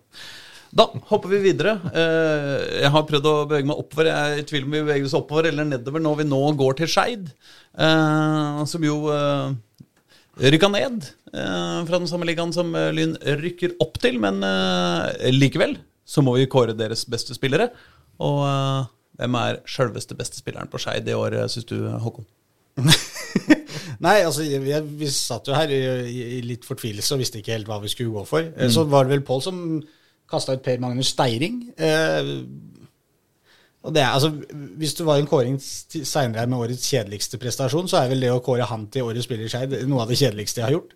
For det er ikke noe mye å si. Han st har stått bak der og kriga og hedda unna. Greit nok. Liksom. Eh, Skeid er Jeg venter på neste sesong, vi. Det er vanskelig å sånn, kåre årets beste spiller. Det er litt sånn, uh, som jeg har sagt her tidligere, når jeg husker ikke hvilket lag det var, om det var Sheffield Wednesday eller Sheffield United Når de en, en sesong de rykka ned, uh, kåra tredjekeeperen, som da ikke hadde spilt ett minutt, eneste minutt uh, i den sesongen, til årets spiller. Det er litt den type at du kunne nesten kåra hvem som helst. Uh, jeg hørte jo at eh, spillerne selv kåra Markus Melkjord til årets spiller, men etter en eh, altså, ja, fantastiske gode sesongen han hadde i fjor, og det han har levert i år, så syns jeg ikke han fortjener det, fordi han har ikke vært i nærheten av, av det vi veit han kan. Eh, det, er, det er flere på, på det laget som har vært. Eh, det, på et sånt lag så må du liksom gå for de som da ikke har skuffa mest, på en måte. Fordi det er jo de du har størst forventninger til. Sånn, det er jo type da eh, Markus Melkjord, som, som jo da var supergod i fjor. Eh, og det er, er derfor jeg har da egentlig valgt å gå for Per Magnus Neining. Eh, han, eh, han har liksom gjort det han kunne. Han har stått bak der. Og det er jo veldig mange kamper Skeid har spilt der de har vært med veldig mye. De har fått mye innlegg, fått mye skudd mot seg. Altså, de, de har gjort det de kunne, men så har liksom Det har ikke fungert, da. Eh, verken der. Og, og det har jo litt sånn eh, sammensetning av laget. Eh, også selvfølgelig, de har ikke skåret nok mål. Eh, men også litt på, på midtbanen der har ikke fungert det samme som de har gjort i fjor, med, med Markus Melkjord og med, med Bendik Riise som har spilt der, med eh, de spillerne Torje Naustdal, vel, som, som også kom inn eh, der. Og det, så Nei, det, det, det er vanskelig å kåre årets spiller på et lag som har vært Problem. såpass dårlig. Men, men Steiring er vel vårt Eller mitt valg. La oss eh, involvere sjølveste Solli sjøl. En, en, en, eneste spiller som har underholdt meg, der, som jeg har lagt merke til i små, korte øyeblikk, er Noah Williams på innlån fra Fredrikstad. Ja. Gjennom at han har i hvert fall gjort noe på egen hånd og skapt litt liv på Nordåsen. I en ellers usedvanlig grå masse. Så jeg er jo enig med Håkon Pål om at eh, det er faktisk nesten umulig å finne årets spiller i Skeid. Ja, og selv om vi skulle gått for tredjekeeperen, så har jo han også spilt minutter. Altså, vi, man har jo spil, man har fire keepere som har fått, fått spilletid Ja, hvem er, tredje, er det Kasper, mener du? Jeg veit ikke hvem som går som tredjekeeper Ja, der, faktisk. vi, Ja. vi, la oss nå ikke gå for en sånn tredjekeeper. Vi må ha en spiller på Skeid som har levert ikke ræva. Nei, det er ikke mulig. Nei, ok, Som ikke har levert katastrofalt dårlig. Ja, da mener jeg det er Steiring. En, en felles minste multiplum er Steiring. Topp. Uh, det, var, det var kanskje den klammeste omfavnelsen du har fått i ditt liv, eh, Steiring, men eh, det, det får, får, får vel være. Uh, det er bedre enn ingen omfavnelse i det hele tatt, kanskje. Ja. og, men blir det da vanskeligere eller lettere med årets uh, unge spiller på Skeid? Jeg, ja, skal jeg begynne igjen? Ja, men Jeg tok Osman Diallo Touré. Har ikke spilt så veldig mye, men eh, er jo en spennende forsvarsspiller. Back-type. Som eh, ser litt sånn eh, Ser ut som kan ha noe, men det er jo ikke lett å skinne som en ung gutt på dette Skeid-laget heller. Da. Men nå har vi snakka nok om hvor kjedelig Skeid har vært, så trenger ikke å gå bedre, mer inn på det. Men han, der er det noe som kan være å bygge videre på. da. Er det noe spennende? Eh, ja, jeg gikk for Tage Johansen, som har spilt de aller fleste kampene. Eh, og det vil si at han har jo vært blant de som ikke har gjort en god nok jobb, siden han har spilt forsvar her. Men, men han også er jo 20, har jo eh, kommet inn og, og og Vi kan ikke si at han har tatt nivået med storm, siden de jo ikke var gode nok i det hele tatt, Scheid. Men, eh, men han eh, også er litt sånn, litt sånn Steiring-aktig. Stått bak der, gjort Men det var noe med sånn der, det beste han kunne. Både Noah og Tage er jo spillere som begge er vel på lån fra Fredrikstad, faktisk. Jeg Mm. prøvde liksom å styre litt unna disse lånespillerne, Ja, ja. egentlig, for det er litt kjedelig med de som er Ja, det var greit, liksom, men Og så er det jo det samme med, med Simen Kvia Egeskog. Ja, Som jo også er Altså kunne gått inn i den kategorien. Som jo også er litt sånn som Noah Williams. Mm. Har vært liksom en av de som har vært litt interessante. Det er vel han som står for årets mål. Jeg er helt enig. Sånn, hvis de hadde vært Skeid-gutter, liksom, og du kunne tenkt framover at Og her er det noe spennende, liksom. Her, hvis han blir med og spiller andredivisjon med Skeid, så er det moro, på en måte. Men når det bare er sånn der rørete innlandsspillere, så Ja, når det har spilt hele sesongen så Ja, det er jeg enig i at de kan være med i kåringa. Bare, Ja. Jeg synes det er litt sånn Ja, da, det jeg, jeg er litt sånn irritert på sånn lov... Så Derfor er det han guttungen som de henta opp fra Luka Høyland, ja. i siste matchen. Mm. En av kandidatene. En av Vildes produkter, eh, sannsynligvis. Eh, Hvis man skal se fremover. Men Ja, han, han så- har ikke spilt nok til å bli årets, spiller, årets unge spiller i Skeids A-lag, for det har han jo knapt vært med. Så hva sier du, Redde? Hva er din Eh, konklusjon? Nei, det var vel Hå Håkons uh, forslag, som tross alt er skjærgutt. Men det er jo egentlig bare det som bikler det meg. Da. Dette var, dette var klamt. Men hvem var det igjen? Eh, Osman Diallo Touré. Osman Diallo Touré. Gratulerer. Osman, Jeg er litt usikker på om det er Osman eller Osman. Men Da hopper vi over eh, hele midtpartiet i, i, i Obos-ligaen og, og, går, eh, og går til topps, nesten. KFUM. Og da begynner det vel kanskje å bli litt gøy igjen, eller? det er er kjempegøy. hyggeligere prat, ja. det er det. Altså, Det er jo en av, åpenbart en av de store prestasjonene i, i Oslo-fotballen i 2023. Å rykke opp fra Obos til Eliteserien. Og hvem er den spilleren som kanskje har bidratt mest til det, da, Håkon? Jeg bare begynner hos deg. er, hæ? Nei, jeg bare fortsetter å begynne hos deg. Ja, Ja, det er greit. Du velger. Interngeografiske grunner. Ja. ja, du følger klokka? Ja, Motsatt. Mot, jeg går mot klokka. Det gjør du, faktisk. Eh, klokka har aldri vært min sterke side heller.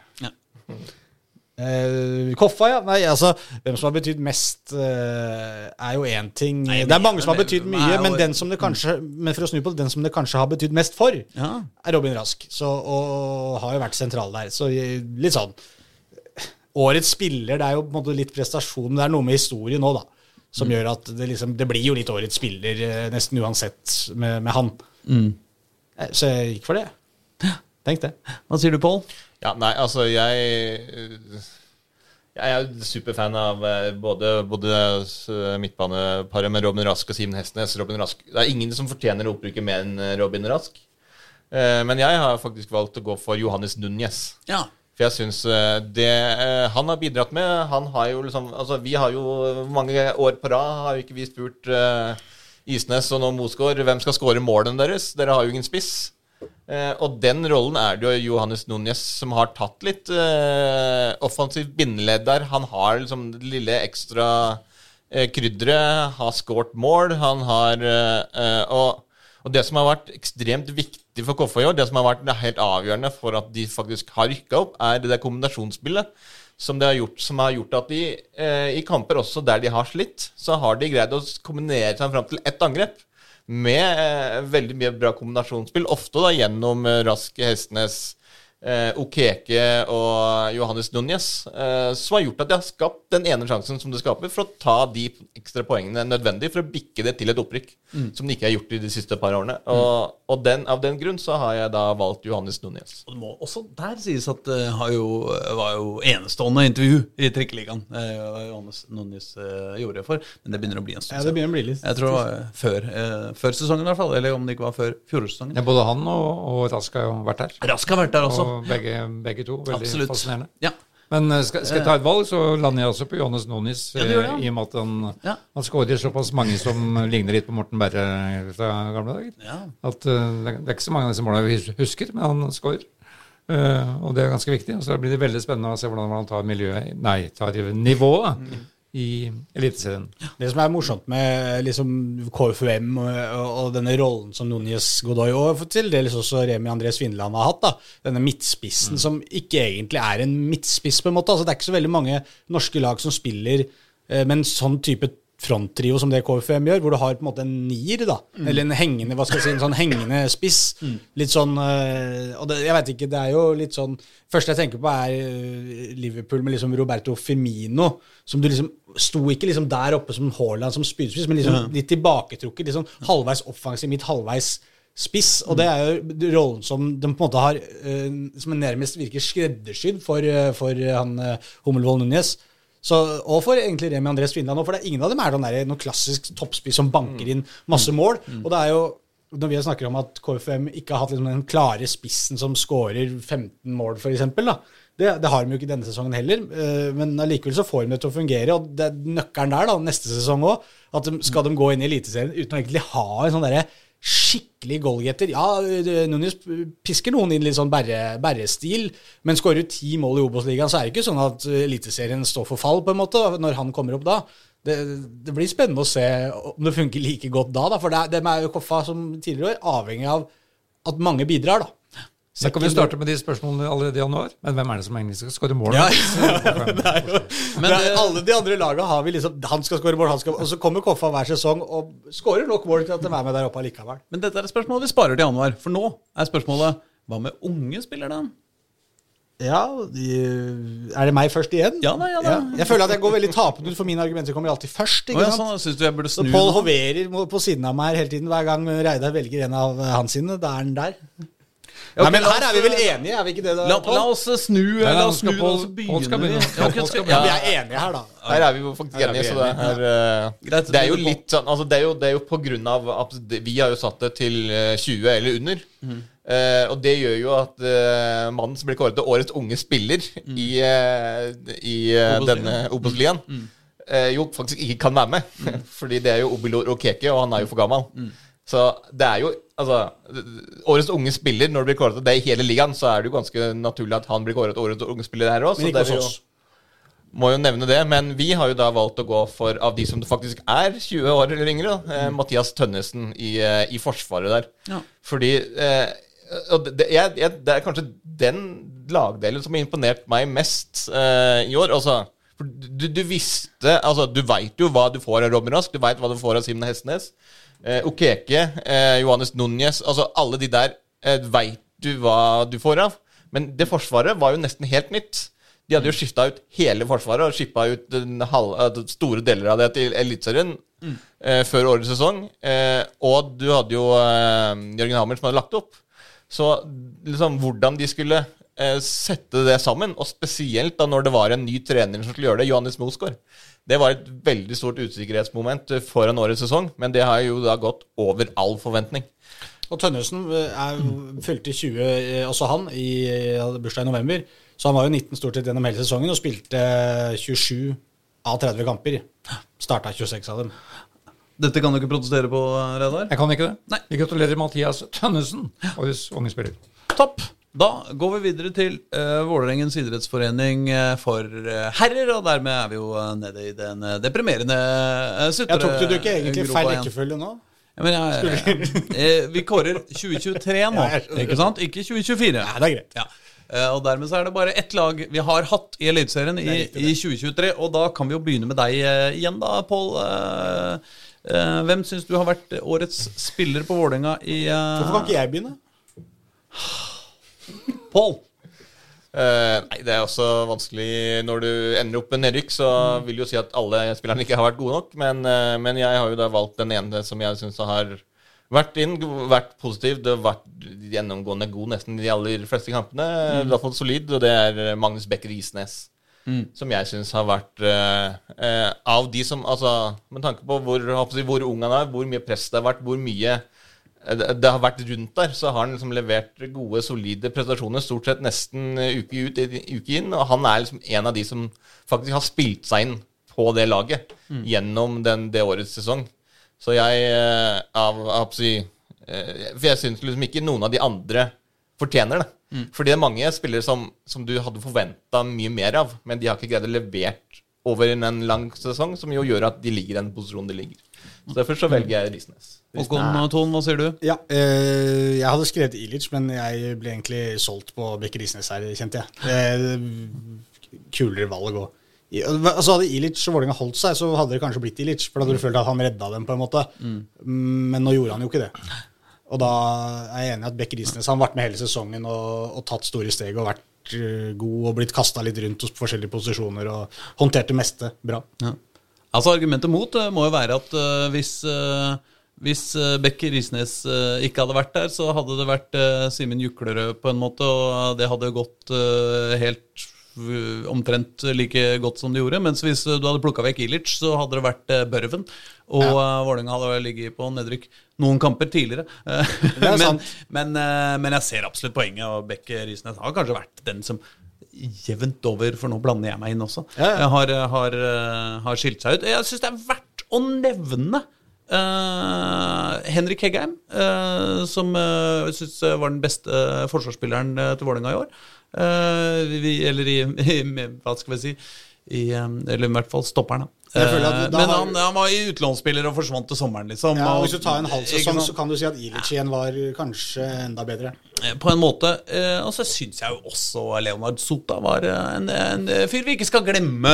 Eh, for han gjorde en god innsats for Vålerenga, og nå, og nå har han forsvunnet. Og, og jeg, jeg, jeg syns det blir Jeg synes vi, han blir litt slept on. Han var faktisk en jævlig god uh, venstreback. Men jeg er enig. Eh, Magnus Ja, for jeg blir overraska hvis Reidar nå sier Leonard Sota. At det blir Leonard Sota som er årets spiller i Vålerenga. Ja, jeg er altså. Hva sier du, eh, Reidar? Sportsfaglig er jeg helt enig om Magnus. Han er, den som har han er den som har slått seg inn på dette laget i løpet av året. Men for meg er eh, årets spiller, slik jeg vil huske sesongen 23, en som dere ikke har nevnt, Å, ja. eh, Christian eh, Dale Borchgrevink. Ja. Fordi eh, Men det er pga. hele historien hans. Gjennom hele året. må- Måten han Altså, han var ute et år. eh, og, og måten han har trent seg opp. Tålmodigheten, eh, tårene som kom da han gjorde comeback for annetlaget i sommer. Og så videre inn på A-laget. Og så var han med på denne oppturen som så ut som en opptur helt til siste, siste match. Og så er det han som bommet på det avgjørende straffesparket. Og så måten han håndterer det på, går bort til Kladen eh, og Østblokka etterpå, og, og måten han eh, snakker, snakker både med dem med og oss med, og står rakrygga. Sånn totalt sett, hele bildet av uh, Vålerenga 2023 lander for meg hos uh, Borchgrevink. Det er vakkert når du sier det. Men det er jo selvfølgelig bare surr, på en måte, på årets spiller. Sports. Sportsfaglig er det bare surr. Jo, men det er noe det ligger liksom Altså, jeg- I navnet 'Årets spiller' så kan du jo tolke det litt som man vil, da, på en måte. Altså, ja. Og det er jeg jo helt enig i. Altså, Måten Christian Borchgrevink har kommet tilbake igjen på laget, eh, gjort comeback altså, Bare det at han er kommet tilbake igjen og spiller fotball, Ja. er jo en prestasjon i seg selv. Og at han har gjort det på et såpass høyt nivå. Ja. Fikk jo en mål mot, uh, mot Viking, var det vel. Eh, så altså eh, hvis, det er liksom, hvis du skal dele ut sånn årets hederspris, så er det, så er det da altså, Det er hedersmann som jo da skal, eh, skal ta Vålerenga tilbake igjen til Eliteserien neste sesong. Og mange vil ha han som Vålerengas neste kaptein, har jeg sett. Jeg, min stemme går likevel til André Ilic. Eh, rett og slett eh, å bøtte innpå eh, ni mål eh, når Vålerenga trenger det som mest. Komme som en sånn der, tvilsomt kjøp fra bakgårdsliga. og, så, eh, og, og nå være en spiller som alle lag i Eliteserien kommer til å forhøre seg om i, i, i, i sommer, fordi dem alle vil Det ha. er ikke mye sommer akkurat nå, men vinter heter det. Jeg, eh, jeg går for Ilic. Ja, altså vi kan jo, vi kan jo øh, Hvis man tar Ilish på den, så er jo på en måte årets ungespiller ganske klink på, på Beck Risnes, da. Eh, kan man jo si. Eh, så det går jo an å gi, fordele det sånn, da. Så, så vi er eh, full det? Ja, det er det faktisk. Og vi hadde hver vår? Nei, vi Vi hadde, Ja, hadde ja, han hadde Risnes, jeg hadde Ilic. Eller jeg hadde jeg har skrevet Ilic, men, men jeg ble solgt på ditt innlegg om Ja, Risnes. sånn, ja. Da vinner vi med Risnes. Altså, du ombestemte deg under sending? Meget dramatisk. Ja, det er, Ja, men så Nå er det halvannen stemme på Ilic og halvannen stemme på Beck Risnes. eh, Så da er det du igjen som avgjør mellom dem, for det er bare én stemme på Borchgrevink. Ja, det ble bare én stemme på Anne. Ja, da, blir det, da blir det årets unge spiller, som også blir årets spiller. Ja, det blir det. Altså Beck Da blir det Bekk Risnes. Full score. Ja, Da trenger vi ikke diskutere årets eh, beste unge spiller på Vil jo Vålerenga. gi en liten shout-out til Alexander Hammer Kjeldsen. ja, for han har jeg notert der på ung, har jeg skrevet Hammer Kjeldsen, faktisk. Ja. Uh, Så du hadde altså ikke Beck Risnes før du kom inn? Nei, jeg hadde du, ikke han på Du noe. hadde ikke Beck Risnes i, i, det hele tatt? på Men jeg følte at den var liksom for opplagt på unge spiller, på en måte. At det skulle være Beck Risnes. Hva slags app er det han kommer og viser? Søppelbøtte. Søppelbøtte. uh, ja, nei, det var bare fordi at han ble liksom kasta inn i hyrten og styrten der, han med Kjeldsen, og løste det sånn tål- tålelig bra i, i starten her, i hvert fall. Så ja, verdt å nevne han. Men det er Beck Ja, ja, som tar den, det er ikke Ja, det. ja. Bare valget hans var å gå fra K5 til Vålerenga, hvis det var årets beste valg, kanskje. Eller Det årets var verste Kiel. Olsen som gjorde det. Ikke Hammer Hvem var det du Kjeldsen. Hammer. Beklager. Ja, Jeg trekker nei, Kiel alt- Olsen er for jeg gammel. trekker alt tilbake. Ja, gjør det. Trekk det tilbake fort. Kan jeg bare nevne, når vi er på årets unge spiller, honorable mentions der også? Si det ja til. Ja. Ja. Han hoppa høyt. Han hoppa høyt. Han var uh, Årets høyeste hopp. en uh, Altså, uh, nummer to høyere. Høyere Nummer to håret. årets unge spiller, spør meg, altså. han hoppa høyere enn håret til Håkon. Ja. Og det, Det er jo litt Greit. Uh, da eh, kan vi forlate Da kan vi forlate dem. Og så uh, går vi til videre. Vi er ikke ferdige ennå. Da skal vi til Røa. Eh, det, det, det laget som havna nederst av våre lag i toppserien 2023. Eh, da ser jeg på deg, Pål Karstensen. Har du uh, nistirra på Røa? Det har jeg ikke gjort. Men eh, den jeg har eh, valgt som årets spiller på Røa, de, de kampene jeg har sett Jeg må jo si at jeg har jo ikke sett alle kampene til Røa denne Mm. sesongen. Men eh, den jeg har valgt godt for, er Tuva Espås. Ja. Som jo har vært uh, toppskårer, og som nå har signert for uh, Vålerenga. Har du noen eh, andre kandidater, eh, Solli? Ja, det, jeg vet ikke om vi har kåra henne før, men eh, for meg er det da Ragnhild Svastuen, som liksom er eh, litt som William Sell i Lyn. eh, Limet i dette laget. Som eh, er med i tykt og tynt. Solid midtbanespiller. Så Ragne fra Otta og Røa. Har du noen mening om dette? Nei. Er dere i stand til å fatte enighet, eh, Reidar og Pål? Er det noen av dere som er interessert i idrett til fordel for den andre? Jeg jeg er Eller må, vi, må du nevekamp til? Altså, Nevekampen vinner Reidar fordi han er sjef. Ja, eh, Sånn objektivt sett. Nei, Spørsmålet Spørsmålet er om du vil pull rank. Jeg er jeg, jeg lar meg lett Lure. overbevise av Påls argumentasjon for uh, Tuva Espås. Ok, ja, Som blir har vært i Røa i så mange år, og som uh, det er en grunn til at Vålerenga har hentet henne. Ja. Hva med unge spillere i Røa? Ja, det er, vi, vi, jeg har vel valgt å falle ned på Mia Hambro Svendsen. Ja. Det er vel mest på grunn av at uh, hun er jo en av de eh, spillerne under 20 som har spilt mest for, uh, for Røa, som har vist seg mest eh, igjen. Uh, så ja, det er vel uh, det er vel stort sett kort, den korte begrunnelsen for det. Men da lander vi på Pål. Påls løsning. Vi går videre til Lyn, vi. Eh, årets eh, årets eh, spiller i Lyn. Hvem skal det være, da, Pål? Nei, det er vel eh, toppskåreren i Eliteserien. Nei, jeg på å si toppserien. Toppserien. Eh, Anne Aahjem. Eh, har vært uh, en sensasjon, kort og godt. Pøser inn mål hver eneste kamp. Er, altså, er, er altså, en virkelig god spiss. Altså, har ekte gode spissferdigheter. Altså, når hun skårer målene sine var jo en liten periode ute med, med, med skade der òg, som kanskje gjorde at hun da at vi bare endte som delt toppskårer. Men, mm. men eh, nei, jeg, jeg har vært kjempeimponert av det, de prestasjonene har gjort på, på topp der. Hun ble også henta av Brann, og det er det en grunn til. Brann-lag som, som skal heve seg etter en, en sesong under pari i eh, toppserien. Eh, selv om de jo har blitt det første laget som har kommet ut eh, da, Mesterligaen for, eh, for kvinner. Så er det, det er, altså Jeg tror det er et kjempegodt kjøp av, eh, av Brann å få eh, Anna Ayam inn på topp der. Dette valget er enkelt. Ja, det er dette Og det, det, det, det, logisk. det er som du sier, var, skal, var faktisk ganske lenge ute i, i høst. Så hun eh, og ble likevel delt toppskårer. Det er Start av Anna. Anna Aahjem, vinneren? Hva med unge spiller på Lyn? Julie Jorde er mitt uh, første valg. Ja, jeg, Veldig talentfull uh, spiller som utvikler seg år for år. Jeg følger den. Ja. Julie Jorde har eh, Jeg, jeg syns hun imponerer meg nesten hver eneste kamp jeg ser av, av Lyn damer. Hun har eh, Altså, hun skiller seg ut. Hun står liksom ut av, av mengden. Eh, godt skuddbein, godt driv, flink til Altså, god, god pasningslegger. Eh, ja, kan skåre mål. Det, ja, Julie gjorde, det Så der var vi helt enige. Da var vi enige. Men da går vi videre til det aller siste laget i denne kåringa. Det blir da Vålerenga damer. Eh, Selveste seriemesteren. Selveste seriemesteren. Eh, vil du begynne, Reidar? Ja, det kan jeg gjøre. Jeg syns også det valget er enkelt. Den delte toppskåreren, som litt overraskende faktisk endte som toppskårer, Olaug Tvetten. Ja. Eh, 13 mål på hen- henne og, og Anna, som vi har snakket om. Nei, også hun har vært stabil, stabilt god for Vålerenga i hele sesongen. Eh, det er for meg ubegripelig at hun ikke prøves på landslaget, men eh, det får vi leve med.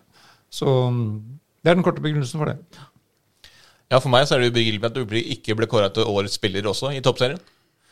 Eh, Det ble jo Karina Sævik, og jeg har jo ikke Karina Sævik eh, topp tre av mine altså, spillere på Vålerenga damer i år. Men for meg, ingen tvil, Olaug Tveten. Klart best. Altså, jeg er, eh, jeg er helt på lag med dette, altså. Eh, Jeg syns jo eh, Ja, nei. eh, nei ja, jeg, eh, jeg kjøper det. Det har jo vært flere som har vært gode. Mimmi har overraska Eller vært veldig kul spiller når hun kommer inn. Men det er klart det, det hadde jo vært hyggelig om hun skåret noen mål også. Når det kommer inn som spiss på en måte på Ja da, Norges beste. Karina Sævik var jo veldig veldig god fram til sommeren. Eh, men etter det så har det vel er det ett mål på Altså, Ja, Hun skåret vel sitt nest siste mål i 26. august, en, tidlig august. Ja. Så, så fram til august så var nok hun eh, Altså, ja, altså, jeg snakka om Mimmi, altså. Eh, Jeg er klar over det. ja, Ja, sånn, vi snakker om Sævik, Ja. Som var veldig gode fram til august. Ja. Mens Oleg Tveten har vært god hele sesongen Absolutt, gjennom. absolutt. Ja. Eh, beste spiller eh, under 20 år, da. Eh, det er vel kanskje egentlig også litt ganske enkelt oppgave, eller? Ja, altså det Stine Brekken uh, skiller seg ut ganske klart uh, Ja. der for, for meg. eh, Selma Pettersen har jo kommet inn der også. Har jo vist fram eh, en god innleggsfot. eh, har en god eh, altså pasningsfot. eh, sånt. Men, men sesongen sett under ett, så syns jeg at Stine Brekken fortjener den ganske, ganske overlegent, det også. Jeg er enig. Da tar Olaug Tveten uh, hele årets beste spiller der, og Stine Brekken beste under 20. Og vi er gjennom alle sammen. Nei, dere gutter, dette tar for lang tid. Jeg tror vi er nødt til å avslutte nå eh, denne episoden. Og så tar vi resten av kåringene i en ekstra super spesialsending som får bli episode 51. Eh, Romjula. I romjula, eller? Ja. Skal vi si det Og sånn? da skal vi ha alle de rareste kåringene. Da skal vi ha alle de rare kåringene og årets Oslo-fotballag. Ja. Ikke minst. Beklager at vi tisa det allerede i starten av sendinga, men, men uh, dere blei jo med helt hit, så kan ikke klage for mye. ok, nei, men eh, vi, vi sier det sånn. Det blir for langt, vet du. Jeg kan ikke holde på hele dagen. På gjensyn i romjula. På gjensyn. Ha det.